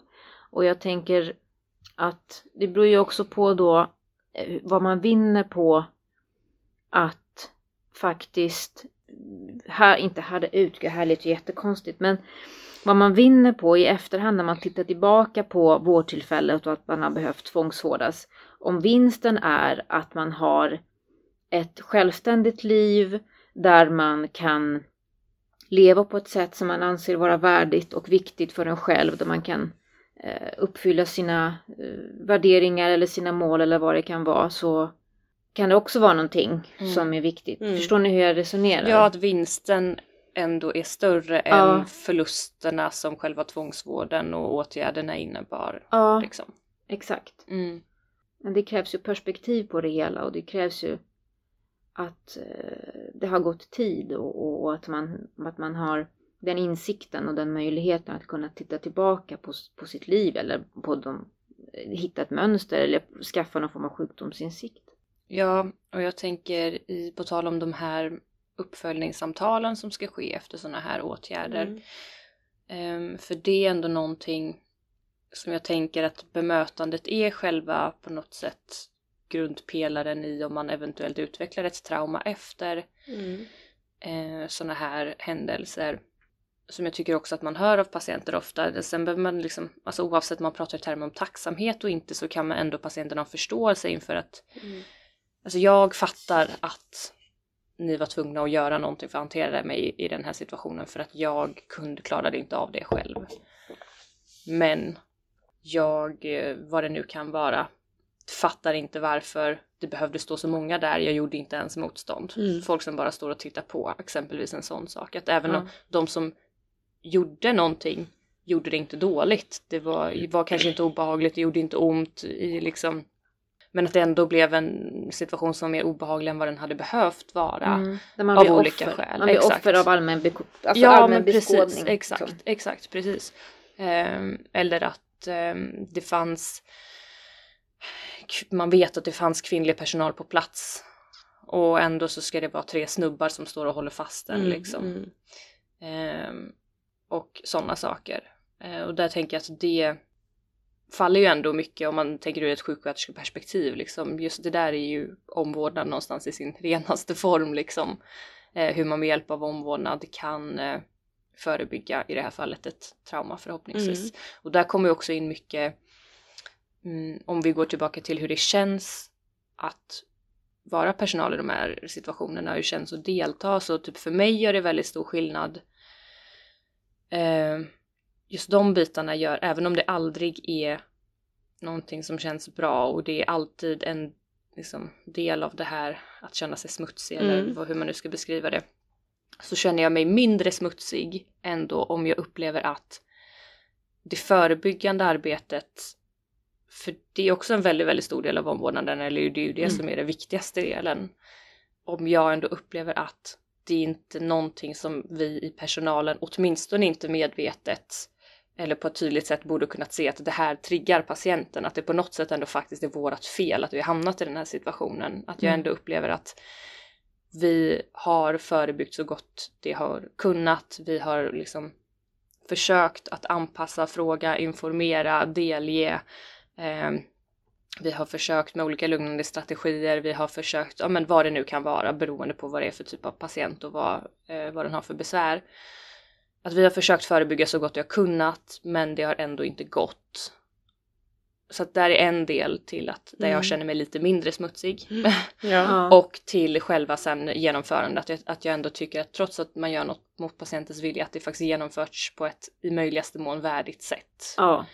Eh, det är de Gud, två ja, nyckelgrejerna skulle jag säga för att ehm, jag, även om det aldrig känns bra, men ändå kan känna att och givetvis då att jag också ser att det finns en indikation, att jag tycker liksom att det, för det, det är klart att det skulle kunna vara så också, att det finns situationer där, Absolut. eh, men då gör man ju som, och då är det ju främ- främst sjuksköterska, även om självklart all personal har rätt att komma till tals, men det är ju framförallt sjuksköterska som har det huvud, liksom, yttersta ansvaret för att föra patientens talan. Eh, då är det klart att man, man lyder ju inte bara order, utan man diskuterar ju med läkaren och man liksom Ja. så. Men det är väl självklart att det, och det behöver inte handla om tvång, det kan handla om annat också, att man inte alltid helt är man är ju sin egen individ liksom och eh, man gör ju sin egen bedömning så det är klart att man inte alltid har en, att hela personalgruppen har en enhetlig Mm. bild av vad som är bästa åtgärd men att läkaren beslutar. Eh, Så det är ju såklart också en sån grej som påverkar i hur det känns att Mm. delta om jag verkligen Om man tvivlar på... Exakt, om jag är Beslutet. helt, helhjärtat är övertygad om att det här är ett nödvändigt ont i den här situationen eller om jag tvivlar. Mm. För man kan ju aldrig veta, även när jag tvivlar, det är inte så att jag har rätt, det kanske är läkaren som har eh, så så. Det, Ja. Men jag menar själva känslan av tvivel spär ju också på känslan av smutsighet. ja, Ja. precis. Den är liksom direkt proportionerlig. Precis. Mm. Men när du säger så här, förebygga, säger eller vi, Mm. vi pratar om det så här, vad, vad, vad tänker vi då? Jag tänker, vad, vad menar vi då? Ehm, Alltså förebyggande, jag tänker hur, hur förebygger vi att vi inte ska hamna i att vi måste använda tvångsåtgärder? Och då, det, vad tänker vi personligen då skulle vara förebyggande åtgärder? Ja, men jag har ju erfarenhet av att personer, patienter hamnar i ett läge där att om, om patienten hamnar i ett läge att det enda sättet att bli lyssnad på är att skrika högt eller att kalla någon för könsord eller bara utåtagera och eh, vara anledning till att liksom någonstans behöva åtgärda på ett väldigt starkt kanske gränssättande sätt från personalens sida så tänker jag att om man om jag eller jag och, och eh, vård, vårdpersonal lyssnar till patienten tidigare och är mer lyhörd så kan man komma åt patientens behov snabbare så att inte patienten behöver hamna i det läget att den behöver liksom skrika och göra sig hörd på ett sånt dramat, eller dramatiskt sätt, Mm. eh, eller Mm. starkt sätt. Eh, lyssna, ehm, lyhördhet, eh, iaktta små saker i kroppsspråket, eh, försöka se patienten bakom lidandet liksom, på något sätt. Se det friska. Se det friska. Det finns ju i alla. Ja men exakt. Sen är det jättefina ord. Sen, och, och det är inte alltid väldigt lätt att, att, att göra det i verkligheten. Men göra mitt bästa Mm. och, och be min, mitt team liksom att, att göra sitt bästa för att möta patientens behov. Tror jag ibland kan, kan leda till att patienten inte behöver hamna i det skarpa läget. Mm. Jag tänker också det du sa, eller det ni sa, se det friska. Eh, då tänker jag också att, att eh, just det här att se att saker patienter gör inte är för att jävlas med någon. Mm. För det tycker jag ibland att man hör att så här, ja men de är eh, dels att så här, patienter är jobbiga och att de jävlas. Att de Provocerar. provocerar fram eller ja, alltså sådana saker. Och då säger jag absolut att beteendet kan upplevas som manipulativt till exempel. Men att man liksom försöker hela tiden tänka att så här, men va, är det verkligen, eller det här med när folk eh, självskadar, att så här, men tror man verkligen att liksom ingen självskadar för att det är roligt? Eller ingen är självmant på en slutenvårdsavdelning där man inte kommer ut själv, alltså för att man tycker att det är kul och sen man sitta och jävlas. bättre alternativ. Liksom. Nej men exakt, liksom att man måste, att jag tänker om man också tänker på det hela tiden att så här, patient, och att patienter inte, det är inte personligt mot mig Mm. som, som liksom individ som jobbar där, att det är liksom riktat mot mig. Mm. För, för det är klart att om, om, man, om man upplever det eller man, om man får sådana känslor, för det kan man ju ändå få, det är, inte, det är ju inget konstigt. Men att man ska försöka backa då och tänka så här, men då Mm. kanske det är bättre att Rebecka går in till henne och pratar om det går, att det finns, fler, det finns ju fler personer i att, än att jag kanske ska gå in som redan är irriterad och liksom, det blir inget bra bemötande. Det vet man själv när man redan är sur och så, eller irriterad på någon och så kommer man och möter den personen. Det är rätt svårt att fejka ett trevligt bemötande Mm. på någon man redan är irriterad på om Och det här- liksom inte ska mötas här eller tänk- märkas. Nej, men här tänker jag också att, att vår professionalitet träder i kraft. Ja, Att vi behöver behålla vår, alltså vara professionella och, och öka hela tiden vår kunskap. Mm. Det är ju någonting som vi har läst också. Ja, verkligen. Eh, att kunskap brister hos personal. Definitivt. Ja, och att det faktiskt är en stor skillnad ibland i kunskaps... Alltså vad man har för utbildningsnivå. Mm. Det är faktiskt, det har man ju sett, är en stor eh, skillnad på hur man ser på patienter och hur man agerar och hur man bemöter. Mm. Eh, Vad och man har att, för förståelse för liksom. ja, precis. Och det Vad här ett med... beteende står för. Mm. Eh, inte svara på mina egna känslomässiga reaktioner utan fortsätta att vara professionell. Eller ta ett steg tillbaka och be en annan kollega ta Ja, över. och det är ju också att ha koll på sig, på sig själv. Att känna att jag klarar inte av att härbärgera mina egna känslor just i den här stunden. Då därför måste jag be någon annan. Men Och det är ju också en del av att vara professionell Ja, tänker jag. jag menar av, det, Alltså, precis. prof- vara professionell är ju inte bara att jag ska stänga robot. av mina Nej, känslor exakt. och liksom ehm, på något Mm. sätt och tro att det ska bli bra utan det är ju också att eh, känna sig själv i sin yrkesroll tillräckligt väl för att veta när det är antingen för att man själv av olika skäl behöver ta ett steg tillbaka eller när det bara skär sig för så är det ju liksom. Alla funkar inte lika bra med alla och det gäller ju även patient, mellan patient och vårdare. Mm. Ehm, att man inte har någon prestige i det i, när det är, Nej, är dags att kanske be någon annan och göra ett försök. Mm. Och det är extremt viktigt, Mm. tänker jag. Det här med prestigen. För det kan jag också uppleva ibland att så här, att man har någon prestige i att, att nu fick jag en fluga i munnen. Nej men att man har någon prestige i att man ska vara den som klarar det här. Mm. Eh, vilket också kan liksom eskalera situationer ibland istället för att så här, lämna det, be någon annan. Mm. Eller så går man in tillsammans. Man behöver inte ens gå själv. Om det, du, liksom, men att man... Jag hatar prestigefulla människor när det gäller andra människor som vi ska vårda. För att det Mm. finns ingen prestige i att man inte... Just den dagen kanske du är jättetrött. Eller förstår du? Alltså så här, det behöver inte ens vara... Det handlar inte om att du är en dålig, dålig sjuksköterska eller skötare. Det handlar om att just då, där och då funkar det inte. Då Eller ni har man... ingen personkemi Nej. eller vad det nu kan Nej vara. men exakt, men att man liksom såhär, det borde alla läkare också ta med sig. Att Ja, prestigen är inte så jävla viktig alltid. Men finns det prestige också? Tror ni att det finns prestige i att hantera ett skarpt läge på ett bra sätt, snabbt sätt? Eh, Jag tror att snabbt och bra är olika saker. Ja, men ja, absolut. Ja, nej men att man ibland, att vissa personer kan blanda ihop det där. Och eh, att eh, en tvångsåtgärd till exempel ska, är obehagligt men, men det finns prestige i att utföra det för att man ska ju kunna hantera Mm, svåra situationer absolut. och det är lite coolt. Ja, och det Ja. tycker jag också, när vi är tillbaka på det här med vårdkultur, tycker Ja. jag. Eh, Men- så det och tror jag absolut. Det kan jag, det kan jag tycka det är... Kast, ja, ja. Ja men alltså verkligen och det kan jag tycka typ som på min första arbetsplats som sjuksköterska då jobbade vi på rader så man jobbade alltid med samma personer även Mm. vilket skift man än gick på.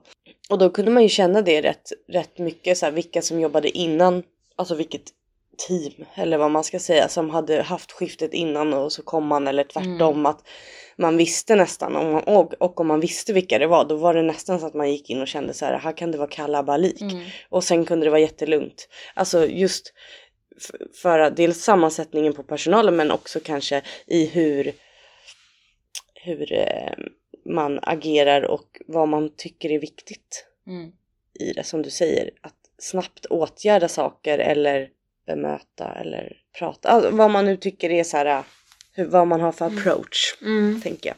Ja, och jag menar förebygga, alltså, att förebygga tvång eller våld eller hot eller liksom, alltså det kan man ju ha ett helt avsnitt om Ja, ensamt. Men jag tänker att det beror ju på också Alltså vad det förebyggande arbetet är kanske beror också mycket på vad det är man försöker förebygga. Mm. Ehm, för att när vi pratar om tvång i vissa fall, alltså är inte tvång utan tvångsåtgärder. Eh, alltså i eh, form av exempelvis fastspänning eller fasthållning eller tvångsinjektion, avskiljning. Då kan det ju vara så att det är en situation där det handlar om att patienten blir våldsam. Mm. Det vill säga att det är, ja, där glider man ju in också på andra delvis lagrum när det kommer till nödvärn och sånt där. Men, men liksom att det är en patient som är våldsam, eh, vilket kan antingen skada den själv eller eh, för, eh, vet du, riskera att skada personal eller till och med kanske andra patienter. Så att då, där är ju liksom en aspekt av förebygga, om det typ är, vad vet jag, en patient som är psykotisk eller av något annat skäl eh, utåtagerande och potentiellt våldsam men i slutet av dagen rädd av något skäl. Så jag tänker där handlar det ju mycket om, så, alltså det förebyggande arbetet beror ju på också vad det är man försöker förebygga. Det är Mm. det jag försöker säga. Mm. Alltså har vi en patient som är livrädd då behöver vi ju för att förebygga att det är liksom den hamnar i en situation där den känner att den kämpar för sitt liv, vilket Mm. kan yttra sig i form av våld. Mm. Då är det det vi försök, behöver försöka lindra, den här rädslan på olika sätt. Det är det jag menar att man behöver se till patient, vad Exakt. patienten har för, för behov. Precis, ja. ja men det är det, så jag håller helt med om det Mm. du säger. Men alltså om det istället är någon som har väldigt kraftig ångest och Mm. skadar sig Mm. själv, Ja. Mm. då är det ju ångesten man ska försöka förebygga och åtminstone lindra på ett så sätt att det förebyggs, att, den ham- han, f- att man förebygger att den hamnar utom kontroll. Mm. Mm. Mm. Ehm, sen är det ju alltid jättekomplext eftersom att i de här bedömningarna så måste man ju också alltid, det är ju sånt som man inte kanske tänker på, inte ska behöva tänka på, inte kan tänka på att när man själv är patienten i fråga som är utsatt, alltså det här med övervägandet som vi och läkaren alltid måste göra avseende andra patienter. Det handlar ju Mm. inte bara om Nej. patientens säkerhet, våran säkerhet, utan medpatienternas säkerhet och trygghet också. Ehm, Absolut. som är en grund i olika åtgärder eh, där det ju såklart finns gränser för vad man kan, vad ska man säga, på vilket sätt man kan göra anpassningar för den Mm. enskilda patienten utan att det riskerar att faktiskt få konsekvenser för andra patienter. Ja. Så är det ju. Exakt. Så det finns ju väldigt mycket att, att väga in och det, Ja. så det är skitsvårt att svara på vad är förebyggande Ja. på ett kort sätt. Nej det men det är exakt. beror ju så väldigt liksom- mycket på. Men Ja, och sen kan man ju också tänka så här, alltså vad heter det, långsiktigt förebyggande. Men jag menar att så här redan från början att så här, det har vi pratat om förut eller i alla fall det här med till exempel att de får ju inte gå ut mm, när de är på, på tvång. Inte, de får inte bestämma det själva. Eller som jag sa innan att många av våra patienter till exempel röker. Eh, det är ofta en sån här konfliktgrej som kan uppstå i att man, man får inte gå ut och röka. Eh, vilket kanske gör att många röker för att lindra sin ångest framförallt. Eh, till exempel och att det är liksom, de kan inte härbärgera ångesten för de får inte gå ut och röka. Nej, men och så blir det en liksom lång ha- harang av Både av att man eh, inte får saker. röka och av att någon säger till en Ja. att man inte får röka. Nej och men exakt. Man, Och ja. att jag ibland tänker att så här, eh, man, kan, man kan med små medel eller så här ibland att man, ja men vet du om vi tar de här tre, tre personerna som går ut med den här personen och tar en cigg, man kanske liksom kan Alltså ibland att det, det tar väldigt lång tid innan vissa patienter får gå ut. Vilket också som du sa att, att det här med eh, tortyrkommittéer, alltså EUs och FNs, de har ju, det har de ju också slagit ner på hos eh, i Sverige att folk på tvångsvård inte, de får ju gå ut mindre än folk som sitter i hög, alltså klassade säkerhetsfängelser. Eh, och att man måste kanske tänka på det med vårdmiljön egentligen. Alltså jag tänker om man ska ha en bra bedriva en bra tvångsvård där man ska undvika, för det vill vi ju fram, framförallt undvika de här tvångsåtgärderna. Ska vi bygga om? Ja. Så ska vi ha ny, bra nya Faktiskt. lokaler, det ska finnas eh, bra, alltså att man kan då, ja men en innergård där man faktiskt inte kan springa iväg och ta livet av sig utan man kan få gå runt några varv, eh, kanske till och med kunna gå ut utan att det står personal i varje hörn. Man kanske kan ha på något, ja men alltså jag vet inte, eller att det bara är att man kan gå ut och sätta sig där om solen skiner, alltså alla de här små grejerna som vi kanske tar för givet eller som vi alla tar för givet att kunna sätta sig på, det får de ju inte göra. Mm. Och, för, och förstå då att du får inte gå ut, du måste vara här, du får inte gå hem det du kanske egentligen vill. Och sen får du inte röka. Mm. Alltså liksom, det är klart att till slut brister det ju. Till Mm. slut blir man ju förbannad också. Och lägg på att man också är sjuk. Ja, alltså, så här, att man kanske i stunden inte har... eh, man har inte förståelse för de här besluten. Nej men precis för att det är ju skillnad också på att hålla med och att förstå. Och kan Absolut. man åtminstone förstå även om man själv inte håller med om bedömningen så blir den ju mer greppbar. Ja. eh, och eventuellt lättare att hantera. Och så är det ju med allt, när, typ om man snackar liksom förebyggande arbete, det här med, ja, med typ generella regler är ju någonting som, för, som vi sa tidigare, absolut att det behöver finnas viss struktur och det, ja, det säger sig självt att det är såklart att det måste finnas någon slags grundläggande ramar som avdelningen och vården är uppbyggd kring. Ehm, men att när de blir så generella att man aldrig kan göra avsteg ifrån dem, då kommer vi in på personcentrerad vård. Mhm. Ja. Eh, vilket Kristina för övrigt har skrivit sitt Mm. examensarbete om. Mm. Det stämmer. Magisteruppsats. Mm. Ehm, så ehm, vad skulle jag säga nu då? Personcentrerad vård. Jo men att med, när man har den typen av liksom regler så som man aldrig kan göra avsteg ifrån så är ju det någonting som eh, det är väl motsatsen till att förebygga, det är ju snarare att liksom trigga. Ja, absolut. Ehm, Nej, du får inte Olika en till typer av pannkaka. För att Ja. man ger bara två pannkakor per patient. Nej men också och lite det här, eh, så här ja regler är till för att, för att följas. mm, Men det, regler är ju framförallt till för att man ska hålla någon form av struktur. Men, mm. De men ska ju för underlätta. de ska ju Mm. underlätta och man måste också kunna göra avsteg om man känner att det är rimligt. Ja, så är det re- regler som inte underlättar så är det ganska kassa regler. Ja, Då är de ju, Exakt. uppfyller de ju absolut noll funktion. Men jag, vi tar som exempel att så här, nej men vi, vi säger att på avdelningen så har vi bestämt att efter klockan nio får man inte gå ut och röka till exempel. Mm. Eh, och så har vi någon patient som börjar liksom eh, varva upp för att personen vill, vill gå ut och röka. Och här är en person som är på tvång men, men får gå ut med personal. Så det är inte så att så här, den får inte gå ut alls. Men, och så är det någon som bara nu är klockan fem över nio så att du får vänta till imorgon klockan åtta. Trots att det fortfarande finns personal Eh, tillgänglig ja, som exakt. är på väg hem men, Men, det som tar kan fem tänka sig och ändå så här, Mm. men jag kan följa med, det är okej, det är, för mig är det lugnt eller liksom. Men att det liksom är någon då som bara, fast nu är reglerna är ändå det eller Mm. klockan är fem i åtta på morgonen. Ja men Mm. alltså att man har de marginalerna. Sen absolut så här klockan tre på natten finns det kanske inte personal att någon ska gå ut för då är bemanningen. Ja, då lämnar man ju resten ensamma. Nej liksom. men liksom att när ändå om man ändå skulle som, sju- som sju- sjuksköterska då ändå anse att nej men det här det, det är rimligt att vi gör Mm. så. Eh, att då kunna göra det för den patienten för att sen kunna liksom, den patienten kan gå och lägga sig och faktiskt sova och känna sig så här. Dels ett, jag blev lyssnad på. Mm. Det var någon som tog mig på allvar Mm. och jag fick min sista stig som jag alltid brukar ta klockan nio eller vad det nu, alltså så här, Mm. om jag nu inte får gå ut mitt i natten och röka som jag brukar göra hemma. Nej men i alla fall att jag får göra det klockan nio eller halv tio eller vad, alltså de här små, det är återigen de här små som du säger om man får tre pannkakor.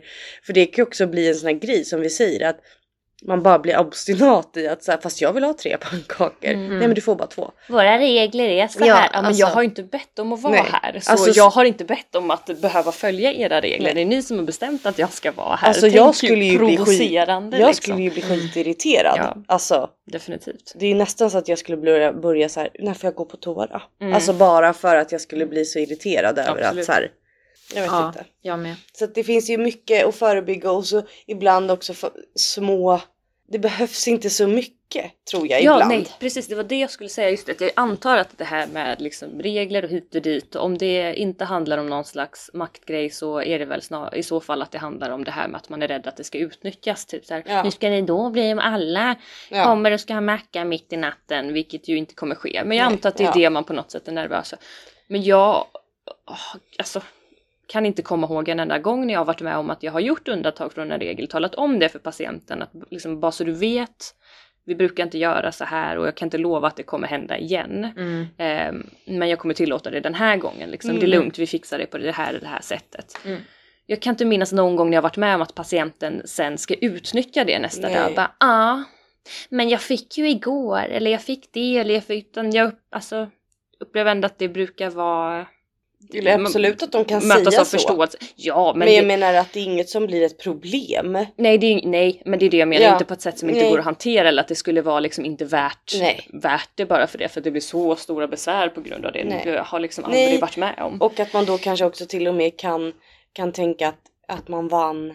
Alltså att patienten kan känna sin egen lilla vinst i Mm. att de är, de är inte jävliga för att vara jävliga utan Mm. de kan ändå rucka på det för min personcentrerat. Alltså ja, för man förklarar skull. varför en viss Ja, rutin finns. Så det handlar inte om Ja. att du inte kan gå ut och röka mitt på natten. Det handlar inte om att vi har den regeln bara för att ha den. Utan det handlar om att vi har 17 andra patienter här som då lämnas ensamma med en personal och det är inte patientsäkert liksom. Så därför har vi den här regeln. Och Ja, fast exakt. att det är skitjobbigt men då... ehm, Men du kan få nikotintuggummin typ. Nej ja, men alltså. ja, men mm. att man ändå, Ja. att patienten ändå känner det- att man faktiskt gör det man kan i det liksom, utrymmet som ändå finns för att Och det är ju återigen rucka. information, bemötande och kommunikation. Mm. Alltså att man även om man säger nej. Mm. Att inte bara säga nej och vända på klacken och gå utan Mm. förklara i så fall varför är det nej eller Mm. varför ha, som du säger varför har vi de här reglerna? Mm. Varför är det så? Och sen ibland också tänka så här. Okej, varför har vi den här regeln? Alltså så här som personal att Ja. så här. Okej, då får väl folk bli sura på mig om jag gör avsteg av den liksom. Är det Mm. också så att vi resonerar så här för att vi jobbar på en allmänpsykiatrisk avdelning? Nej, tyvärr. Skulle jag, man resonera samma Alltså sak? jag har, jobbat, jag har jobbat på andra avdelningar där det inte är allmänpsykiatriska, alltså både affektiva och fram, när vi hade mycket blandat med psykos och jobb också med extremt erfaren. Min första par sjuksköterska jag jobbade med var extremt erfaren och duktig men hon var extremt duktig på att liksom hålla regler men också kunna göra avstamp. Mm. Så det tror inte jag har med det att göra. Däremot tror jag att, att folk är mer benägna att vara mer eh, Alltså hur ska man säga utan att det ska låta jättekonstigt men jag tänker att om man är till exempel typ psykosavdelning där är man nog mer benägen i att vara mer fyrkantig för det behövs från och till. Men jag kan också tänka att det ibland också är en anledning till att jag vet inte att, att det inte blir bra bemött för att de är lite fyrkantiga i att man kanske inte alltid behöver vara det bara för att de är psykos. Ja men förstår ni hur jag Mm. tänker? Jag vill liksom inte trampa någon på Nej. tårna för att det behövs en annan struktur och en annan liksom eh, avdelnings... Alltså de behöver eh, ett annat sätt än vad kanske allmänpsykiatriska. Men alltså om du Och det har, går att du är- resonera bättre med allmän, eh, alltså allmänpsykiatriska patienter i vissa fall för att de inte har den upplever eller annan Alltså om du tillfälligt Mm. har precis en väldigt uppluckrad verklighetsuppfattning så... eh, Alltså den här flugan, vi blir aldrig av med den. nästan, nej. Nej, jag blåste ju utåt. Jag sög in. Nej men om du har en väldigt uppluckrad verklighetsuppfattning, Mm. vilket du ju har när du befinner dig i en psykos, så ger ju såklart också tydliga ramar en form av trygghet för att du vet tydligt vad Ja, det är Vad du som ska komma skall. vad som, vad som komma skall, vad du ska förhålla dig till och du, det är en trygghet att du ser att det som har blivit utlovat eh, också sker på det sättet som det är sagt. Vilket är ju väldigt viktigt då att man också Ja. ser till att det blir. Men, men eh, så det finns ju såklart anledningar till Ja. att det är mer struktur kanske på en avdelning som främst vårdar psykospatienter. Men det är ju ehm, men det är ju alltid det där i att bara för att det finns en poäng att göra något på ett strukturellt plan. Problemet blir när man sen helt glömmer bort eh, det individuella och liksom det patientcentrerade. Att man, inte, att man helt glömmer bort när, att faktiskt också göra anpassningar. Liksom. Att du har rutiner på en strukturell nivå men du behöver också inbegripa det individuella Ja, perspektivet i det. Liksom. exakt. Jag eh, vet inte om jag kan komma med något mer just nu. Nej, alltså, och det har vi ju sagt nu. Det här är ju väldigt... Man kan aldrig prata klart om det Nej, här. alltså Nej. vi, vi skulle kunna sitta här i flera timmar. Mm. Men jag, jag kan tänka att vi kanske ska avrunda just Mm. här. För det kändes ändå som ett bra Mm. Eh, slut. Eller så. Och sen så hoppas vi att, eh, att ni som lyssnar kommer med feedback. Och att om det är något ni ett tycker att vi har glömt när det gäller det här så kan man Mm. jättegärna skicka DM. För det är inget som säger att vi inte kan ha ett till avsnitt. Vi kommer ju, kan ju prata om det här hur mycket som helst. Ja, eller om det är specifika delar av det här ämnet. Ja, precis. Så kan det ju eh, också som vara. man behöver mer fördjupning i. Förkovra sig. Ja, exakt. Då kommer vi till våran lilla grej kanske. Veckans, Veckans citat. citat. Som fortfarande inte är veckans, men avsnittet. Ja. Just det, Det låter så mycket citat. bättre. Nej, men vi kan Varannan säga veckas dagens citat. Ja, dagens. En gång till. då. Dagens citat. Gud vad cringe. Okej. Något budskap har jag inte. Men jag vill gärna sprida en allmän tolerans för mänskligt vansinne. Och det här är Astrid Lindgren som har sagt. Mm. Hon har sagt mycket klokt. Verkligen. Ja. Och med det sagt. Nej men vänta, jag Nej. vill säga en grej till förresten. Ja. Och det Oh är God, att sorry. vi vill ju alla att hela det här avsnittet och allt eh, som vi har pratat om idag grundar sig såklart i ändå att de problemen vi ser med tvångsvården i Sverige vill vi ska bli bättre. Ja. Och ehm, det finns, nu ska vi se så att jag säger rätt här, Civil Rights Defenders tillsammans med RSMH som är någon sån här um, patientförening Mm, mm. för psykisk ohälsa eh, har ju, jag tror att förra året, eh, jag ska inte säga när den började, relativt ny i alla fall, det finns en enkät som är öppen varje år typ två första veckorna i september eller något sånt där. Där du som har varit tvångsvårdad kan ehm, ehm, tala om vad du har varit med om, vad du har haft för erfarenheter, vad som har liksom, vad, ja, vad du har varit med om, vad som har varit dåligt om du upplever att du har blivit utsatt för felaktigheter i tvångsvård och så vidare. Mm. För att fylla på kunskapen kring detta Mm. och för att kunna förbättra. Så, och det är helt anonymt eh, såklart. Så det vill jag verkligen uppmuntra alla som har eh, vårdats med tvång. Och det gäller inte bara LPT utan andra former av tvångsvård också. Att gå in på, jag vet inte exakt eh, hemsidan här men jag vet att om man söker alltså CRD, Civil Rights Defenders, bara och så tvångsvård, bara googla det så kommer man direkt till sidan med den här enkäten. För det har jag, jag har googlat och sett så man kommer in på det direkt. Och den är som sagt inte öppen nu men i september. Det tyckte jag var jättebra. Mycket bra. Verkligen. Tack för det. Och med det sagt så Men säger med det vi sagt ja. Ja. tack för idag. Ciao! Bye bye! Bye bye!